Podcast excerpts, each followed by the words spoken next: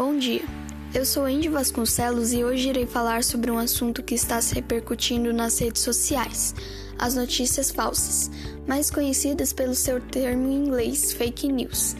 Não é de hoje que mentiras são divulgadas como verdades. Essas desinformações existem há muito tempo, mas se popularizaram com a vinda da internet. Ela tem como objetivo enganar o seu público a fim de obter ganhos políticos e econômicos, muitas vezes com manchetes sensacionalistas, exageradas ou claramente falsas. Um dos casos mais famosos de fake news foi a grávida de Taubaté.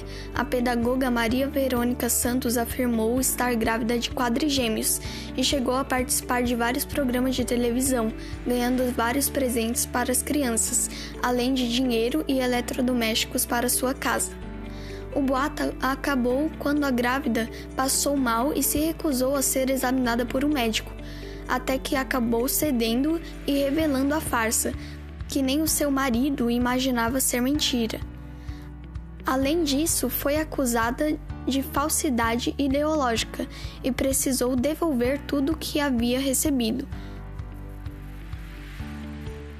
Mas o que fazer para combatê-las? Existem uma série de cuidados que ajudam a combater e a identificar as notícias falsas. Sempre leia a notícia na íntegra antes de compartilhá-la Assim você saberá o conteúdo todo e evitará a divulgação de informações imprecisas.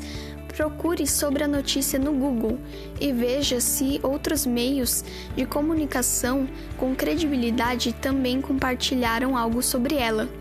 Pesquise sobre o portal que está noticiando o fato e veja se sua reputação é confiável, verifique a data de publicação da notícia e certifique-se de que ela é recente.